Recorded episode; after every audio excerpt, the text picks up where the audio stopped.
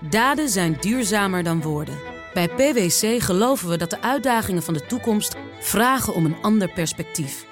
Door deze uitdagingen van alle kanten te bekijken, komen we samen tot duurzame oplossingen. Zo zetten we duurzaamheidsambities om in acties die ertoe doen. Ga naar pwc.nl. BNR Nieuwsradio. De AEX-factor. Paul Lasseur. Welkom bij de AEX-factor, met daarin alles over de beurzen, beleggen en vermogen opbouwen. We struinen de beurzen af voor het belangrijkste en meest bizarre nieuws. Van bitcoin tot Tesla, van goud tot sojabonen. Financieel onafhankelijk voor je dertigste of gewoon een zorgeloze oude dag.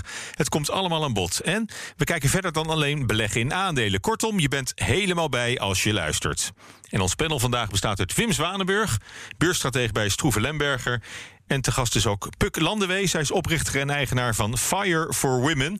En Puk, jij hebt van eh, beleggen een beetje je levenswerk gemaakt. Hè? Want jij wil op je veertigste met pensioen kunnen... en alleen nog de dingen doen die je de moeite waard vindt. En echt leuk. Daar gaan we straks allemaal uitgebreid over, eh, over praten. Maar je, je kunt dus ook meepraten over, uh, over de aandelen... waar we het straks over gaan hebben en over, over beleggen. We beginnen met het belangrijkste nieuws van deze week. Profits at Shell have dropped to their lowest in at least two decades. The year was a very tough year, let's be honest, and a very painful year.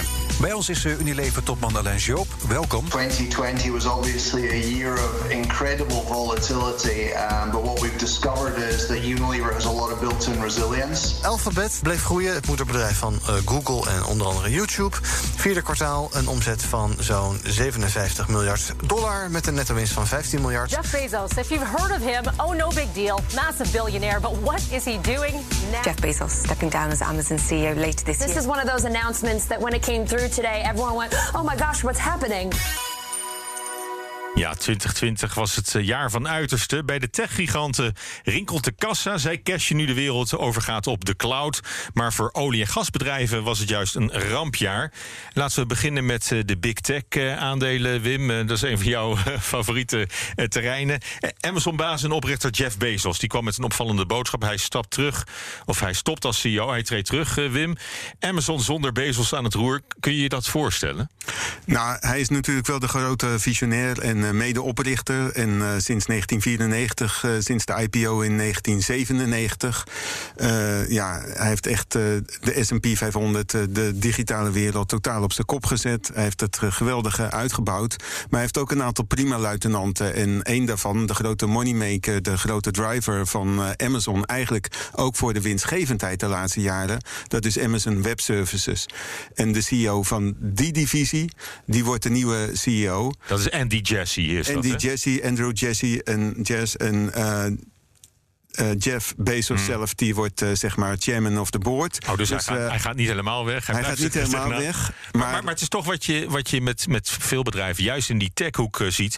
de vent maakt de tent. We, we, hebben het gezien toen, toen Steve. Jobs overleed. Toen, van hoe moet dat nou met Apple? Nou, dat is ook goed gekomen. Bill toch Gates, goed, ja, ja, die, die ook natuurlijk een stap terug doet uit de dagelijkse leiding. Nou, Bill Gates die deed een stap terug en, en, die werd opgevolgd door Steve Ballmer. Dat, dat was een opgewonden standje. Ja, die was zeer opgewonden.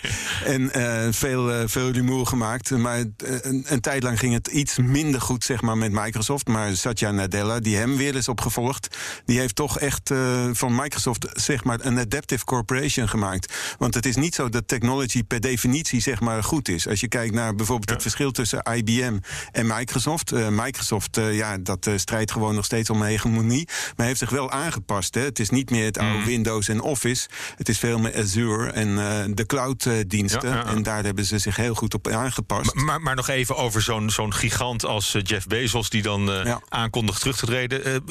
hoe reageren beleggers daar dan op? Nou, deze week waren het echt fenomenale cijfers van, van, van Amazon. Dus, dus het was een goed moment, hè? Stop op je hoogtepunt. Ook dat. dan, maar meestal, en omdat de verwachtingen zeer ruim ook werden overtroffen... kon je bedenken dat de koers ook zou exploderen... Mm. of na, in de nabeurshandel al voor zou stijgen. En ja, er waren toch beleggers die zich even achter het oor krabden en eh, even een afwachtende positie Mhm. aannamen. Eh, dus afgelopen dagen heeft de koers van, van Amazon eigenlijk niet eh, zo'n zo'n heel positief resultaat laten zien. Nee, nee, nee. Maar ja, het is al zeg maar. Het is al zo een- hoog. Het is al zo, zo hoog. Ook als je wel kijkt naar de waardering. Maar Want, het, het wat- wat- potentiële perspectief zit er nog in hoor. En koersdoelen werden eigenlijk alleen maar naar boven toe bijgesteld door Oké, analisten. ja. Want, want dat, dat, dat is het volgende natuurlijk. Ja. Van als een aandeel al zo hard stijgt, kun je, loont het dan om nog in te stappen? Heb, heb jij aandelen Amazon, eh, Puk? Nee, ik heb geen aandelen. En wat ik het lastige vind bij de grote techbedrijven... is een beetje vergelijkbaar met de huizenmarkt. eh, dat je denkt, nou, de prijzen zo hoog, het kan niet meer hoger. Dus ik, Eigenlijk ik, alleen maar van stom dat ik niet eh, vijf jaar geleden Ja. eh, ermee ben begonnen. Ja, dus ik wacht wel even. Maar wat er dan ook gebeurt, is dat je afwachtend bent en het niet doet. En ondertussen gaan die prijzen gewoon omhoog. En nee, maar ik Maar, heb- maar loer je eigenlijk op een, op een correctie en dan een instapmoment? Is dat, is dat waar je echt op zit te wachten? Of, eh, Ehm, of, of zit je er niet zo, zo fanatiek in? nee, ik, door middel van ETF's beleg ik wel in grote Hm. techbedrijven, maar niet in individuele aandelen. En, maar goed, mocht er een correctie komen à la vorig jaar, Hm. dan stap ik wellicht in. Maar Mhm. dat Nou is ja, wishful veel thinking. Van die Robin Hood eh, beleggers, hè? dat is zo'n Ja. eh, zo- broker en een app in, eh, in, in de VS. Ja. En eh, ja, toen zijn veel eh, particuliere spaarders en ook mensen die thuis kwamen zitten, die hebben toen juist het moment uitgekozen om in te stappen. Ja, ja, klopt. Hey, en, eh, maar nog even terug naar, eh, naar Amazon en de, en, en de boardroom daar. Hè. Als die Andy Jassy, als die dan. eh, die, ja, die, die heeft Amazon's clouddienst echt, echt groot gemaakt. En dat wordt, is toch de, de cash cow van, eh, van morgen. Ja. Eh, dat, dat moet het tenminste worden. Het is minder de, die retailkant en veel meer die, die webservice. Ik geloof dat Netflix een klant van ze is. Hè, van die, van die, Ja, is heel veel, van een, eh, heel veel companies zijn, zijn klant van Amazon Web Services. En, Maar goed, da- daar komt ook een gat. Dus dat moet ook weer worden opgevuld. Eh, ja, en daar is nog weinig over, eh, over, over gezegd. Maar ik denk dat ze best een goede. Ik ken, ken niet alle namen, maar dat ze best een goede reservebank eh, hebben. Want je, je maakt zo'n empire ook weer niet in je eentje. Maar het is wel Jeff Bezos die aan het roer stond en de grote richting heeft aangegeven. Overigens, ook die en, en die Jess, die is vanaf 1997 bij de april Oh, is ook al een 1997. veteraan. En sinds Hè? 2016, en toen is echt de grote run-up van, van Amazon eh, AWS, zoals ze in Amerika vaak zeggen, is, eh, is begonnen. Ja, en. ehm, ehm, maar goed, al, al met al zeg je van o- ook al zijn er zulke wa- waanzinnige resultaten geboekt, ook al is de koers al zo hard opgelopen, eh, jij ziet toch nog wel een, eh, een opwaarts eh, potentieel voor dat aandeel. Ik zie het positief in. En niet alleen op, gebaseerd op optimisme. Maar je ziet het eigenlijk worden de verwachtingen nog ruimschoots overtroffen. Maar we zitten in een transitiefase met veel nieuwe technologieën. En dat is iets, hè, we hebben het over de AX-factor. Maar bij de companies, bij de aandelen, gaat het om de X-factor. Je hebt zeg maar eh, exponentieel groeiende companies. En dan moet je even denken aan je wiskundeschoolopleiding. hè. Dus eh, de, de, de parabolen enzovoort. Hè. De x-curve, x-kwadraatcurve eigenlijk. Van 2 naar 4, naar 8, naar 16 enzovoort. Hè. 32, 64 enzovoort. Terwijl companies als Unilever en de oude Shells enzovoort... als die al groeiden, dan groeiden ze lineair. En dat betekende ook dat als ze extra investeringen deden... Hè, dat ze iets extra omzet boekten, maar dat hield verband met elkaar. Bij die nieuwe platformcompanies is het eigenlijk zo... dat ze bijvoorbeeld nauwelijks distributiekosten hebben. En als ze eenmaal dat platform hebben gebouwd... dan is het extra dollar omzet of extra euro omzet... druppelt direct door naar de bottomline. En zie je ook exponentieel stijgende winsten. Ja. En vandaar ook bij, bij Alphabet een record omzetten. Dat hebben we ook, Ook, gezien. ook, ook, ook daar. En eh, af en toe zijn daar wel hiccups in. Hè? Bijvoorbeeld Alphabet en ook eh, Facebook. Die moeten even tijdelijk wat meer investeren in, eh, in privacy en dat soort eh, dingen. Maar Altijd nog lastig. steeds. Privacy. Ja, zeker. Ja. Dus daar hebben ze ook wel extra investeringskosten. Maar eigenlijk bijvoorbeeld bij, eh, bij Alphabet, eh, dus de, de moeder van Google, bij de, bij de zoekmachine, zie je wel dat die advertentievolumes nog steeds heel fors groeien. Maar ook Google heeft clouddiensten. En daar hebben ze afgelopen week voor het eerst een breakout gegeven. Dus een specificatie van de omzet van de verschillende divisies. Jammer genoeg doen ze dat nog niet voor dochter YouTube, maar wel voor de, de clouddiensten. En die draaien nog met een operationeel verlies.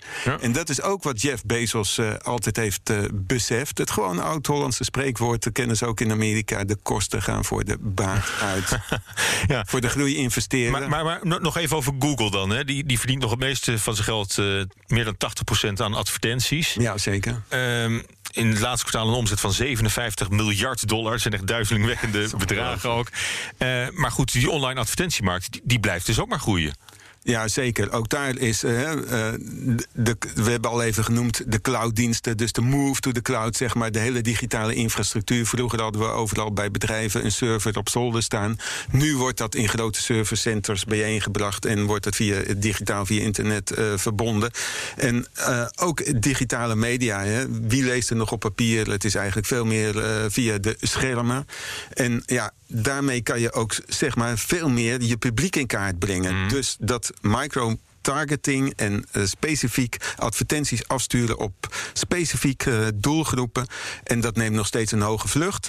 En dat is niet alleen voor de grote concerns, want afgelopen zomer was er discussie hè, op Facebook en Google. Om, om, de data en het, ja, ja, het, het gebruik. Ook, maar even nog even dit even, even af, eh, af, afmaken. Google en uh, Facebook die werden eigenlijk even geblacklist door sommige bepaalde grote multinationals. Mm. Die zeiden we, we willen niet meer meegaan. Facebook zijn ook naar de kanten aan enzovoort. Maar waar halen Google en Facebook ook veel advertenties vandaan. Van gewoon de pop- en mum shops. Hè, midden- en kleinbedrijf. Als je wil weten of het restaurant in je buurt weer open is, waar kijk je dan op internet? En nu, nu ook met die lockdowns, het digitaal winkelen. Het is niet alleen van de grote concern, maar ook digital local. Ja. En daar profiteerden toch Google, Facebook en die digitale platforms van. En als je dan het first mover advantage hebt, dus je bent als eerste het grote platform. Het is ook heel moeilijk om daar concurrentie. Dus de entreebarrières die zijn best hoog. Deze platforms die willen. Er komen af en toe nieuwe niches bij, nieuwe apps, nieuwe applicaties.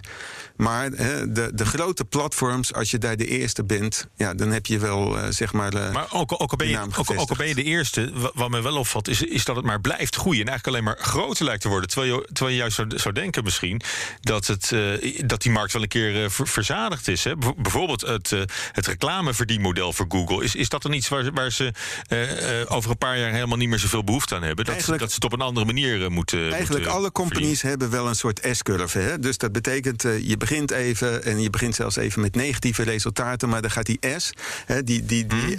Ellie Bowl, dus dan gaat het stijl naar boven. En op een gegeven moment zijn markten verzadigd en dan gaat de company over de top. En als je nou een adaptive, dus een adaptieve en aanpassende onderneming bent, dan weet je een S op de S te zetten. En dat is bijvoorbeeld wat Microsoft heeft gedaan. Maar bijvoorbeeld Oracle en ook een IBM, die hebben daarin gefaald. Eigenlijk bijvoorbeeld Oracle was de king of the databases en hebben eigenlijk mm. de move to the cloud, de ontwikkeling van die clouddiensten lange tijd en die CRM-market enzovoort, hebben ze lange tijd gemist. Inmiddels zijn ze daar ook alweer mm -hmm. aan een inhaalslag begonnen, maar dan wordt het moeilijk. Ja, maar het is een fascinerende sector, die big tech. Die big tech, uh, er zijn echt, uh, dat zeg ik ook altijd, er zijn multiple, veel meer driving forces, zeg maar, die die markt aanvoeren. Dus je hebt bijvoorbeeld ook al een, klassificatie van de indices van de grote sectoren gehad. Deel van de companies die als technology company werden mm. geclassificeerd, die zijn nu naar communicatiediensten. Ja, ja. Voorheen was dat telecom, maar oude telecom dat bestaat al niet meer. Dus het is verbreed communication services geworden. En bijvoorbeeld een Amazon, ja, is dat nou een retailer of een tech company? Het is een tech-company, Wim. Toch een tech-company, zeker. Maar goed, eh, daartegenover, en dat zien we dan in deze week samenkomen... tegenover die enorme successen die we ons niet kunnen voorstellen... Ja. bijna van big tech, staan de dinosaurus van de beurs... de big oil bedrijven, want die komen juist met dramatische cijfers. Dat heb je, heb je ook gezien, eh, Puk? Dat heb ik ook uh, gezien, ja. Absoluut. Uh, ja. ja de, maar maar, maar kijk, kijk, kijk je dan met, met, met zorgen naar je, naar, naar je portefeuille? Zit je veel in die, in die oude economie?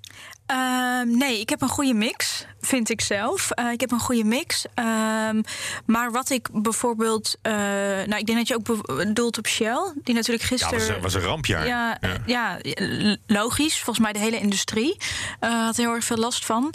Wat ik zelf. Um, uh, hoop, dat is een beetje, misschien is het wishful thinking, dat weet ik niet. Wat ik zelf hoop bij dit soort bedrijven, dat omdat ze zoveel geld hebben, zoveel geld in kas, dat ze dat zullen gaan investeren in het zoeken van nieuwe, nieuwe manieren. In de uh, transitie. Ja, in de transitie. Ja. En uh, ja, ik, ik, ik hoop dat dat potentie heeft. Maar en goed, dat... de, de vraag is misschien wel of ze daarmee wel op tijd zijn. Als je een, een monsterverlies van 22 miljard dollar bekend moet maken, hè, zoals Shell.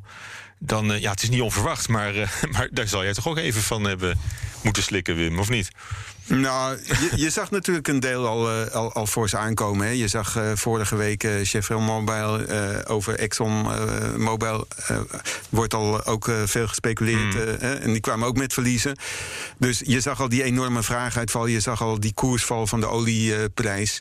Dus allemaal nieuw is het niet. En ze moeten inderdaad een overgang maken. Shell is daar druk mee bezig hè, om ook te verbreden naar gas enzovoort. En zelfs ook in windparken te investeren.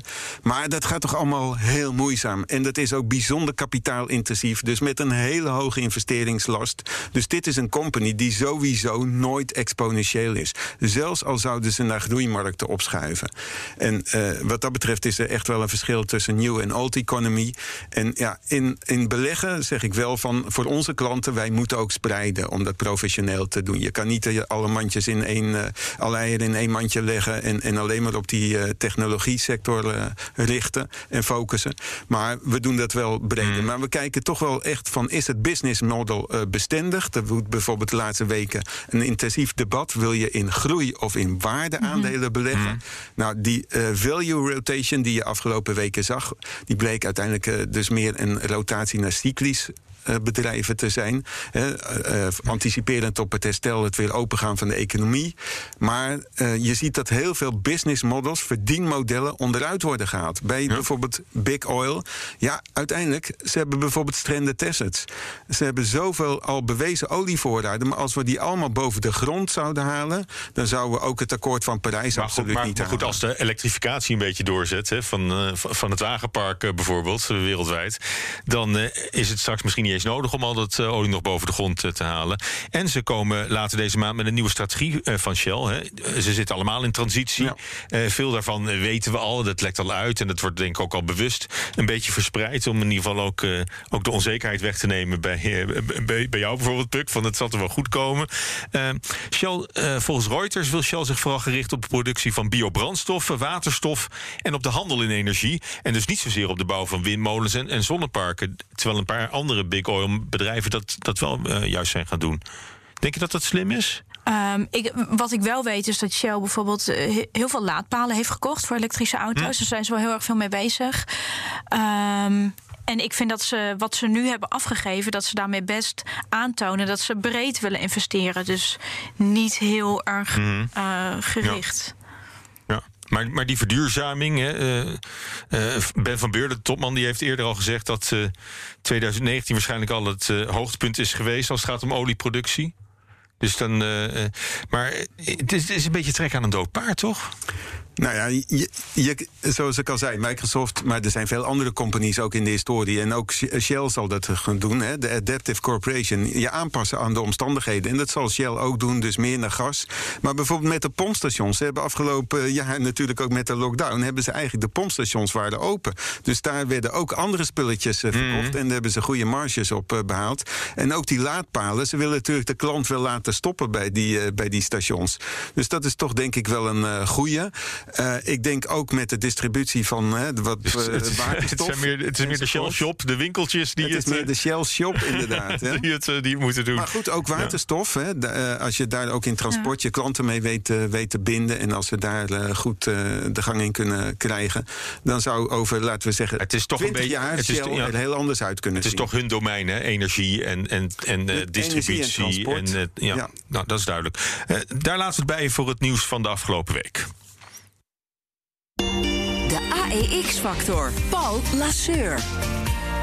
En aangeschoven is economieredacteur Wesley Weerts... om uh, vooruit te kijken naar het uh, spannendste wat ons de komende week te wachten staat.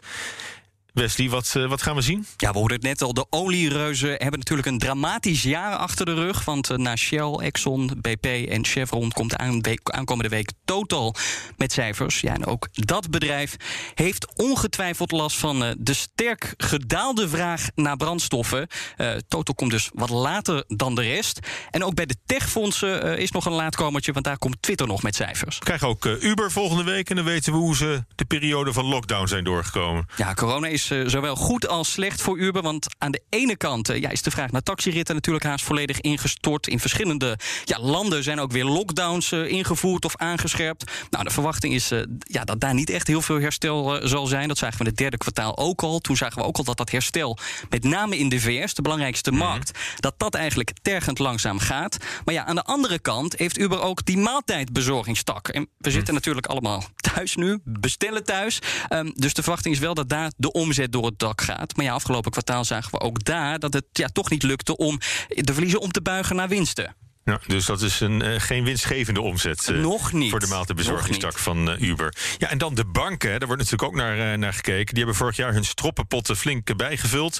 Wat voor nieuws kunnen we daar verwachten? Nou, in ons land zal onder meer de aandacht uitgaan naar de bankaandelen. ABN AMRO, Rabobank, ING. Want ja, die geven een kijkje in hun boeken. Nou, in Amerika hebben banken als JP Morgan dat al gedaan. Ja, en die waren over het algemeen vrij positief over het herstel. Want ja, door alle overheidssteun en ook ja, begin van de vaccinatie programma's konden ze in sommige gevallen wel enkele miljarden dollars uit hun stroppenpotten halen. Uh, ze hebben dus minder geld nodig om die kredietverliezen op te vangen. En ook de grote banken in ons land, ja, die hebben natuurlijk veel geld in die stoppenpotten gestopt. En de vraag is of ja, bij ons ook een deel van dat geld uit die potten gehaald kan worden. En of dat uh, geld alweer uh, vrijgegeven kan worden dat ze apart hebben gezet. Nou, misschien uh, weten we volgende week uh, meer dan. Als die dat cijfers is één ding wat zeker is. Dankjewel, Wesley Weert. BNR Nieuwsradio. De AEX-factor.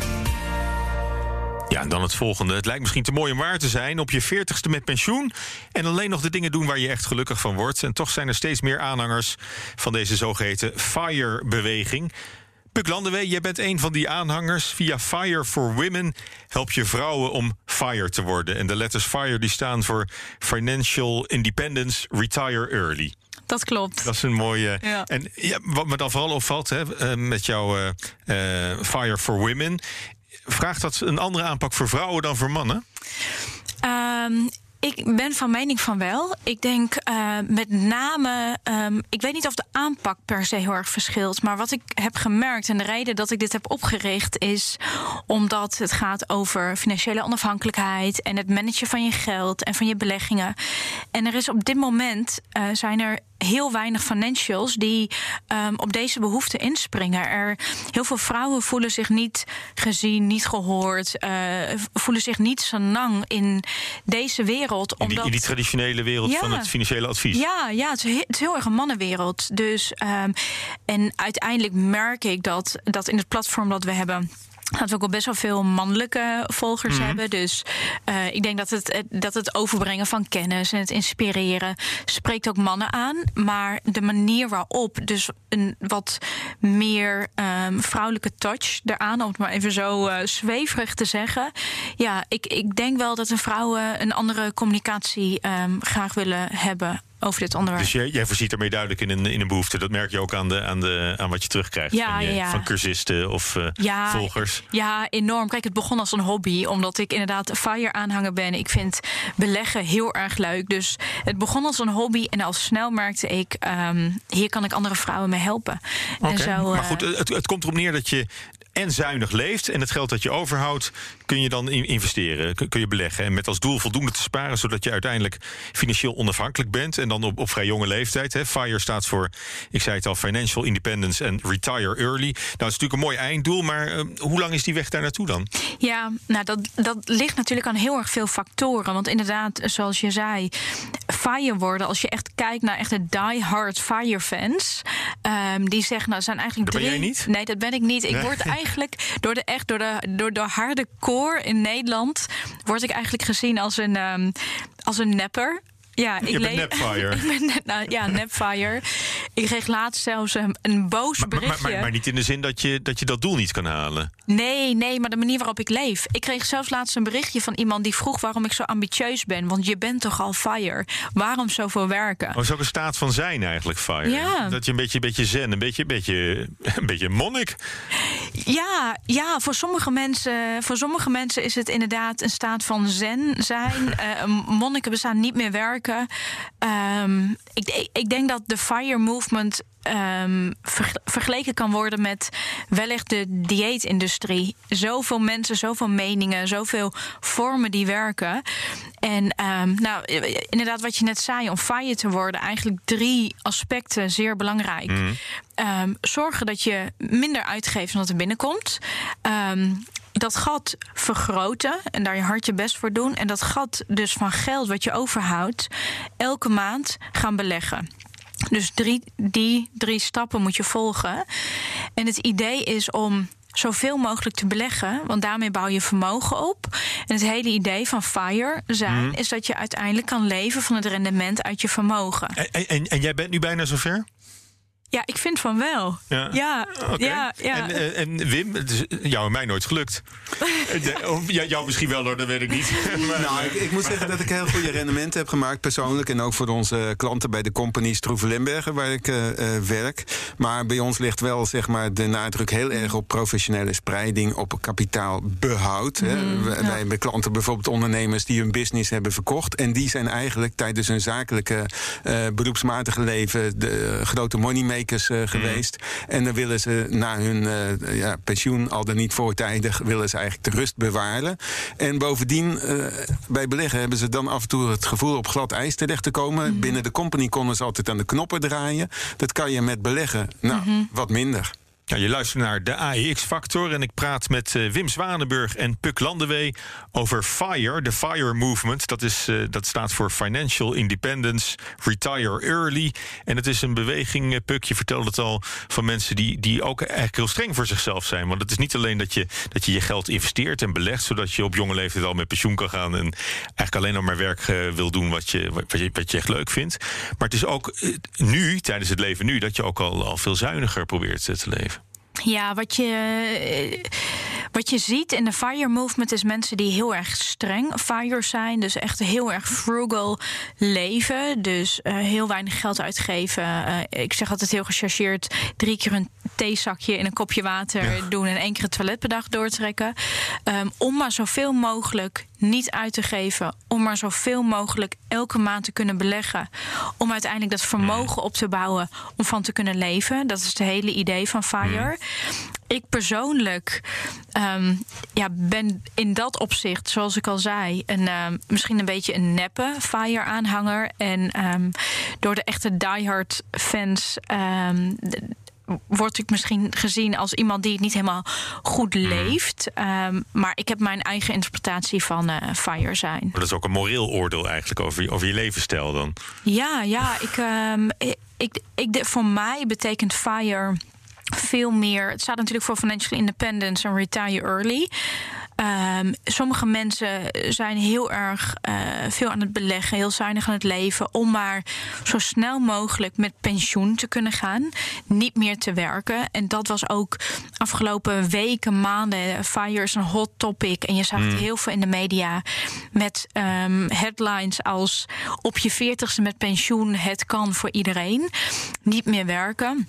Voor mij geldt dat niet, omdat ehm, ik denk. Je vindt werken leuk. Ja, enorm. Ik denk Moet je dat niet ik. denken om te stoppen met werk. Nee, ik denk dat oh, ik blijf werken tot de dag dat ik mijn laatste adem uitblaas. Ik hou heel erg van werk, vind het heel erg leuk. Maar voor mij is fire zijn.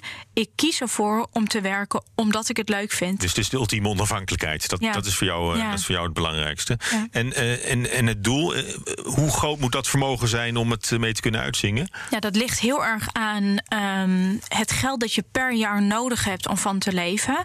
Dus je wil eigenlijk vermogen opbouwen, zodat je kan leven van het rendement op je vermogen. Mhm. In de VARje-beweging wordt er uitgegaan van zo'n 5% rendement op je beleggingen. Dat is netto.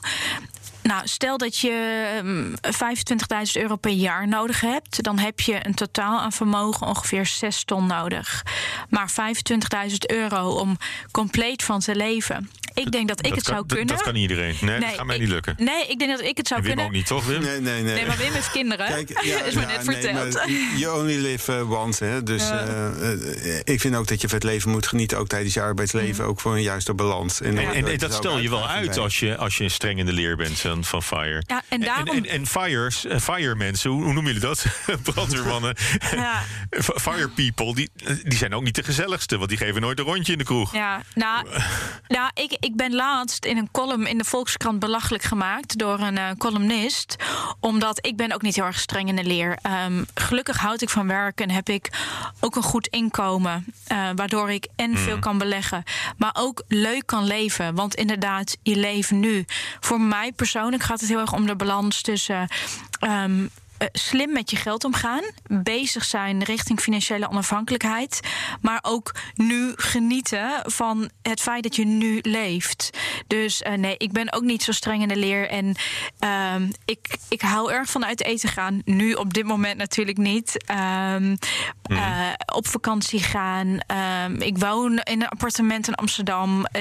weet je, je hebt ook mensen die fire willen worden en die gaan bijvoorbeeld heel klein wonen in een uithoek van Nederland om maar zo weinig mogelijk aan woonlasten te hebben. Maar nee, ik, uh, nou, ik zei al, ik ben een neppe fire aanhanger, want ik leef je wel, niet heel wel kan genieten van de, ja, ook van de, van de fijne ja. dingen. In maar het, je hebt eh, wel iets van discipline om het vermogen op te bouwen. Om zeg maar uh, ja, een pensioenvermogen en door middel van sparen en beleggen, vooral Ja. door het beleggen dan. dat is toch wel een essentieel as- aspect, denk ik, Ja. van de FIRE movement. Ja, en ik denk dat, dat eh, toen ik hiermee begon, dus zo'n drie jaar geleden, en ik denk dat dat cruciaal is. Je moet jezelf bepaalde gewoontes gaan aanwennen.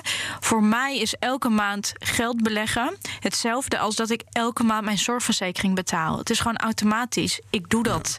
Ik heb dat geïmplementeerd in mijn leven.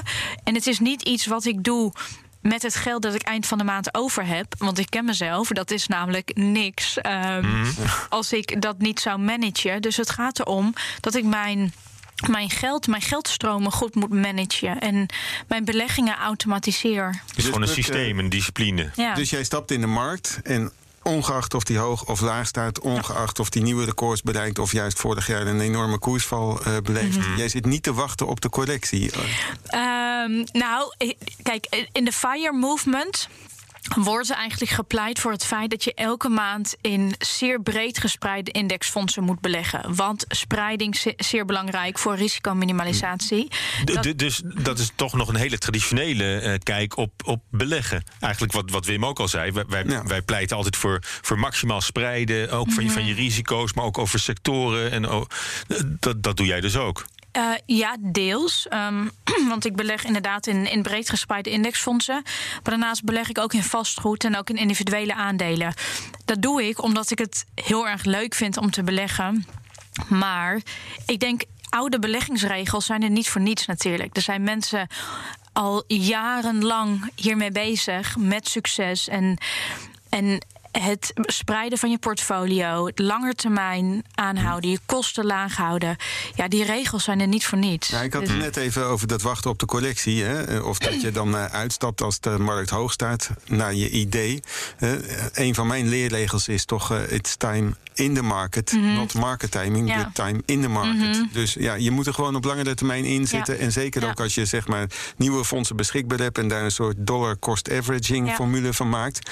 En als je er jong aan begint en dat heel gedisciplineerd doet, dan kan Ja. je inderdaad een heel behoorlijk eh, vermogen opbouwen. Naast misschien de verplichte pensioenvoorziening via je bedrijf. En je kan het ook de zelfstandigen. Ja. Steeds meer mensen Ja. moeten het zelfstandig doen. Als Maar, eh, maar, maar is, is dat wel voor iedereen weggelegd, Wim? Want dat, dat klinkt een beetje door in, in jouw verhaal. Maar eh, jij hebt, je had natuurlijk al een goede baan. eh, je bent pas drie jaar geleden begonnen. Mhm. Eh, dus je had denk ik ook een redelijk, redelijk startkapitaaltje. Ja, dat had ik ook. Ook omdat je je huis hebt verkocht, eh, geloof ik. Ehm, ja, inderdaad. Ik, ehm, ik, ik was en ik ben in de positie om veel te beleggen, om snel veel vermogen op te bouwen.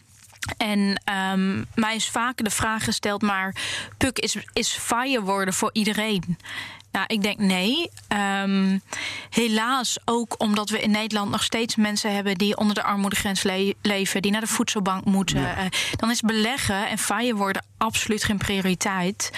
Maar ik denk wel dat voor veel, veel meer mensen meer mogelijk is dan ze nu denken. Ook omdat, zeker wat je zegt, als je gewoon jong begint, al begin je met 50 of 100 euro per maand, ga het eens doen op je twintigste. Nou, en bouw dat eens termen van langzaam de lifecycle. Hè? En dat je Ja. inderdaad wat opbouwt eh, voor, eh, voor Ja. later. En de eigen verantwoordelijkheid die je Ja. daar ook in hebt. Ja, dus ehm fire worden ligt aan wat je definitie is van fire zijn. Is het voor iedereen? Nee. Ik, eh, helaas niet. Maar ehm, ik, ja, ik hoop dat ik veel mensen kan inspireren dat het toch meer mogelijk is. Mhm. En, en wat was voor jou het kantelpunt om, om, om wel meer langs deze regels eh, te gaan, eh, te gaan leven? Drie, drie jaar Ehm, geleden? Drie jaar geleden. Ehm, het kantelpunt. Het is een beetje ontstaan. Ik denk in die periode. ehm, mijn moeder was heel erg ziek. eh, i- is ook overleden daarna. En dat maakte dat ik heel veel gesprekken met haar heb gehad over het leven. Ehm, daarom ben ik ook zo voorstander van nu leven. Want het kan zomaar voorbij zijn. Maar ik besefte ook dat wat ik deed. Ik verdiende veel geld. Ik had een hele goede baan. Maar dat geld ging elke maand op. En dat voelde zo fragiel. Ehm, namelijk als mijn baan zou ophouden, zou mijn, eh, zou mijn geld weg. Heb ik geen geld meer. Toen dacht ik, ik, ik, moet, ik moet hier iets slimmer mee doen. Want ik wil mijn leven kunnen leven op mijn voorwaarden. En dat komt aan op het hebben van geld. Ehm, dus het begon eigenlijk bij een, een, een levensbehoefte. Een gevoel van rust en onafhankelijkheid. En elke dag opnieuw kunnen beslissen wat op dat moment goed voelt. En toen dacht ik, maar dan moet ik slimmer met mijn geld omgaan. Mhm. En zo, zo is mijn FIRE-reis ontstaan. Ja, want je kunt ook zeggen, ehm, misschien wel, eh, wat is eigenlijk, eigenlijk meer de vraag: is het ook vanuit onzekerheid over bijvoorbeeld de toekomst van ons pensioenstelsel, hè, de, de dekkingsgraden, het aantal ZZP'ers, eh, dat hele verhaal, he- heeft dat daar ook nog aan bijgedragen? Of is, is het meer echt, echt vanuit jezelf gekomen? Het is echt vanuit mezelf gekomen. Maar als ik nu nadenk over de toekomst en ehm, eh, in je pensioen bijvoorbeeld, voelt dat voor mij zo'n ver van mijn bedshow dat ik me haast niet kan voorstellen dat ik op mijn. Nou, tegen die tijd zal ik waarschijnlijk 70 zijn eh, als ik met pensioen ga. Ehm, of tenminste als ik de AOW-leeftijd bereik. Ik kan, het is, ik kan het heel moeilijk bevatten om te beseffen dat er dan geld voor mij is. Het voelt zo, ik moet het zelf regelen, want het is zo ver weg. En de wereld kan er zo anders uitzien over zoveel jaren. Dus ja, het is nu ook wel dat ik denk, ik moet financieel goed voor mezelf zorgen. Mhm.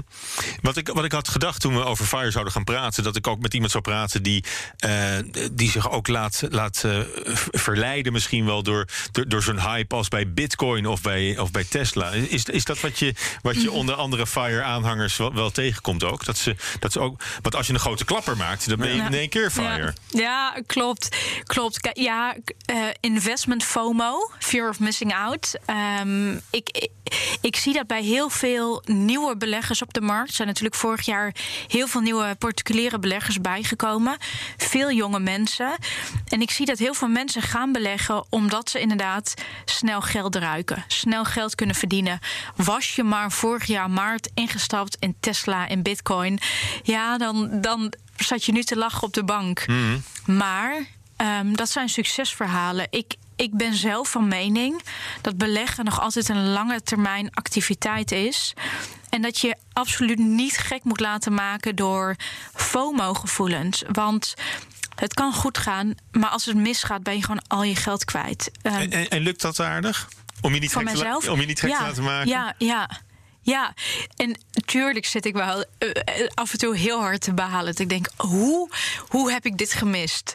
Hoe heb ik gemist dat ik niet in dit bedrijf ben gestapt? Eh, wat stom van mij, want ik volg het zo op de voet. Maar ik troost me met de gedachte dat ik gewoon lange termijn goed bezig ben. En dat mijn vermogen aan het opbouwen is. Ik ben nog wel aangetrokken door het tweede deel hè, van FIRE. Dus dat retire early. Ja. Dan moet je echt ook denken in scenario's en in lange termijn eh, planning. Want Mhm. als je dan op een gegeven moment inderdaad met vervroegd pensioen gaat. Ja, wat schat je in voor je, eh, voor je behoeften en eh, Ja. welke levensweg nog? Nou ja, we worden op dit moment eh, toch gemiddeld eh 85 jaar oud. Dus Mhm. als jij op je 45ste met pensioen gaat. Ja, Dan, moet je eh, lang ja, uitzingen. dan is je beleggingshorizon enzovoort. Hoe, hoe ga je dan om met je portefeuille? En ja, dan kan je het niet in vastrentende waarde beleggen met Nee. een negatieve rente. Nee, ik denk ook dat. ehm, dat gaat dan over een zogenaamde exit-strategie. Mm. Maar ik denk dat heel veel FIRE. Het is natuurlijk een nieuwe movement. Heel veel FIRE-aanhangers zijn jong. Dus ik denk dat er nog maar heel weinig mensen de status echt hebben bereikt. En. ehm, voor mijzelf en heel veel, heel veel dames die ik ken in de Fire for Women community zijn veel meer voorstander van retire often in plaats van retire early. Dus gewoon lekker af en toe een half jaar of een jaar een sabbatical nemen, een, een mini-pensioen. Dus de, de, hele, de hele traditionele levensloop gaat eigenlijk op de schop. ja, en ik denk dat is dat, misschien we. wel een goede zaak, juist, eh, Wim. Ja, Ja, dan moeten ja, jullie wel al, jullie eh, modellen herschrijven. We hebben zelfs een fiscaal gefaciliteerde levensloopregeling gehad. Die is weer, weer afgeschaft. Eh, het, het is soms ook best moeilijk om op latere leeftijd weer zeg maar, in te stappen Mm. op die arbeidsmarkt enzovoort. Hoewel ik denk dat de komende jaren er hier en daar ook handjes tekort zullen zijn. En ook ouderen wel weer bij het werk worden, worden gehaald. Eh, maar ja, het feit dat je reserves opbouwt zodat je even een stapje terug kan doen dat je opnieuw kan opladen, dat lijkt me een hele goede zaak. Ja. Hey, en, zi- en zit je ook gewoon bij een pensioenfonds of niet? Ehm, Gewoon via je werk? Eerlijkheid gebiedt mij te zeggen dat ik denk van wel. oh, Dus slecht. dat, dat is raar dat je je daar dan niet in kan Nee, verdiepen. Want dat, iets- dat kost mij ook moeite hoor. Ja. En ik ben er al een stuk dichterbij Nou, dan jij. Maar Nou, ik heb laatst eens proberen op, want ik heb meerdere werkgevers gehad in het Ja. verleden. Ik heb laatst eens proberen op te, op te rakelen wat ik nou aan pensioen heb opgebouwd. Het is, nou, het is zo ontransparant. Het is zo niet intuïtief. Ja, ik, eh, ik bouw inderdaad wel pensioen op bij een pensioenfonds. Ehm, maar dat zie ik meer als leuk voor later, verrassing. Maar ik ben vooral zelf bezig om, eh, om dat vermogen op Nou, te als het bouwen. een, een movement is, als jullie website hebben en je gaat elkaar adviseren, dan is dit wel een puntje, denk ik, wat aandacht eh, verdient. Ja. En, en zeg maar, kijkt ook eh, wat, wat de alternatieven eh, zijn. Hè? En ja, er zijn tegenwoordig ook als ZZP'er best wel mogelijkheden om zelf een, een pensioen op te bouwen via een verzekeraar. Maar ik zou zeggen, doe daar niet alles bij. Je kan ook een stuk inderdaad zelf Ja, eh, ja. gaan, gaan beleggen. Daar zit ook wel een leereffect in. En eh, ongetwijfeld, als jij zegt van eh, je, je ruikt je kansen, dan moet je er ook wel wat, eh, wat werk van maken. En ik proef dat dat bij jou toch ook een passie is. Maar goed, vro- ja. vro- vro- vroeg beginnen is essentieel. En denk jij, Wim, dat eh, als je zo'n verhaal van, van Puk hoort... en die wil een rendement van 8% per jaar zo'n beetje eh, Ja, behalen... ja. eh, Dat, dat, dat is jouw plan. Je bent nu, hoe oud ben je? 33. 33. Ja. En, en, en nou, je bent ruim voor je 40ste. Ben je, ik wil zeggen binnen, maar dat is niet helemaal het verhaal, hè? Dat je binnen wil zijn, Ja. of, of miljonair. Of, Ja, nou grappig. We hadden natuurlijk eerder deze discussie ook. Van ja, word je daar dan heel erg rijk mee met hoe, de manier waarop je nu belegt? En denk ja, dat ligt aan wat je definitie van rijk is. Ik voel me op dit moment. Ondanks dat ik nog niet het vermogen heb wat ik wil hebben. Ik heb, ik heb een doel qua vermogen waar ik inderdaad op mijn veertigste wil zijn. Ben ik dan rijk? Ik voel me nu al een rijk mens. Omdat ik. ehm, gezond ben. eh, mega belangrijk. Maar ook omdat ik het financieel wel dusdanig heb geregeld voor mezelf. Dat als ik morgen besluit. Als corona voorbij is, eh, ik ga reizen, dan kan dat. En dat voelt als zo'n ultieme rijkdom. Ja, ja. Dat, is, mooi. Maar ik kijk eerlijk gezegd nog een beetje naar, naar wat andere aspecten. Hè. Het verschil tussen beleggen en speculeren. Eh, Beleggen wordt soms speculatief genoemd, Ja. maar dat is het niet als je dat gedisciplineerd eh, doet. Maar speculatie komt ook voor. En dat zien we natuurlijk afgelopen weken met die spelletjes op de markt, met Ja. eh, GameStop en met andere Ja. aandelen. Maar kan je in zijn algemeenheid, kan je ook. in zijn algemeenheid zeggen, Wim, en daar, daar gaan we mee Ja, afronden hoor. maar rijk worden met beleggen, of dat Ja? echt mogelijk is, nou, dat is een hele mooie doelstelling. Dan moet je toch maar als, ook als je, als je bijzondere jong, begint en gedisciplineerd en elke maand automatisch zorgt dat, Nee, het, dat, dat dat is het wordt die herbelegd. altijd nog werkt, eh, Paul. Eh, zeg maar, als je rente op rente, zei ze vroeger, maar dit, in dit geval is het eh, eh, kapitaal Herbeleggen van dividend ook. En herbeleggen van dividend, maar ook eh, zeg maar. Compound interest. Af en toe kijken Ja. dat je goed kijkt naar de, de goede groeiaandelen.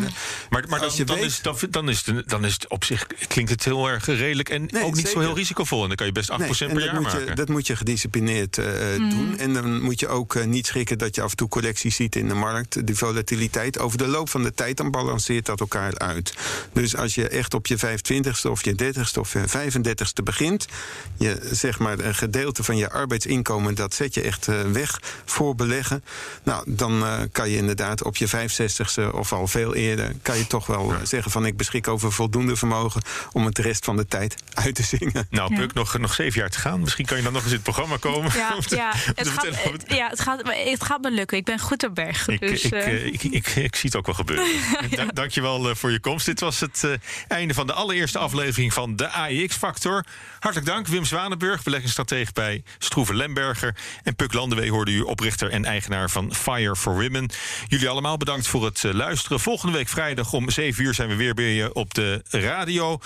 Of beluister ons via je favoriete podcast-app. En vergeet niet, heb je een gouden tip of heb je er een gekregen waarvan je je afvraagt of het wat is? Laat het ons weten. Mail naar aixfactor.bnr.nl. Want wie weet, heb jij hem wel, de AIX Factor. Tot volgende week. Daden zijn duurzamer dan woorden. Bij PwC geloven we dat de uitdagingen van de toekomst vragen om een ander perspectief. Door deze uitdagingen van alle kanten te bekijken, komen we samen tot duurzame oplossingen. Zo zetten we duurzaamheidsambities om in acties die ertoe doen. Ga naar pwc.nl.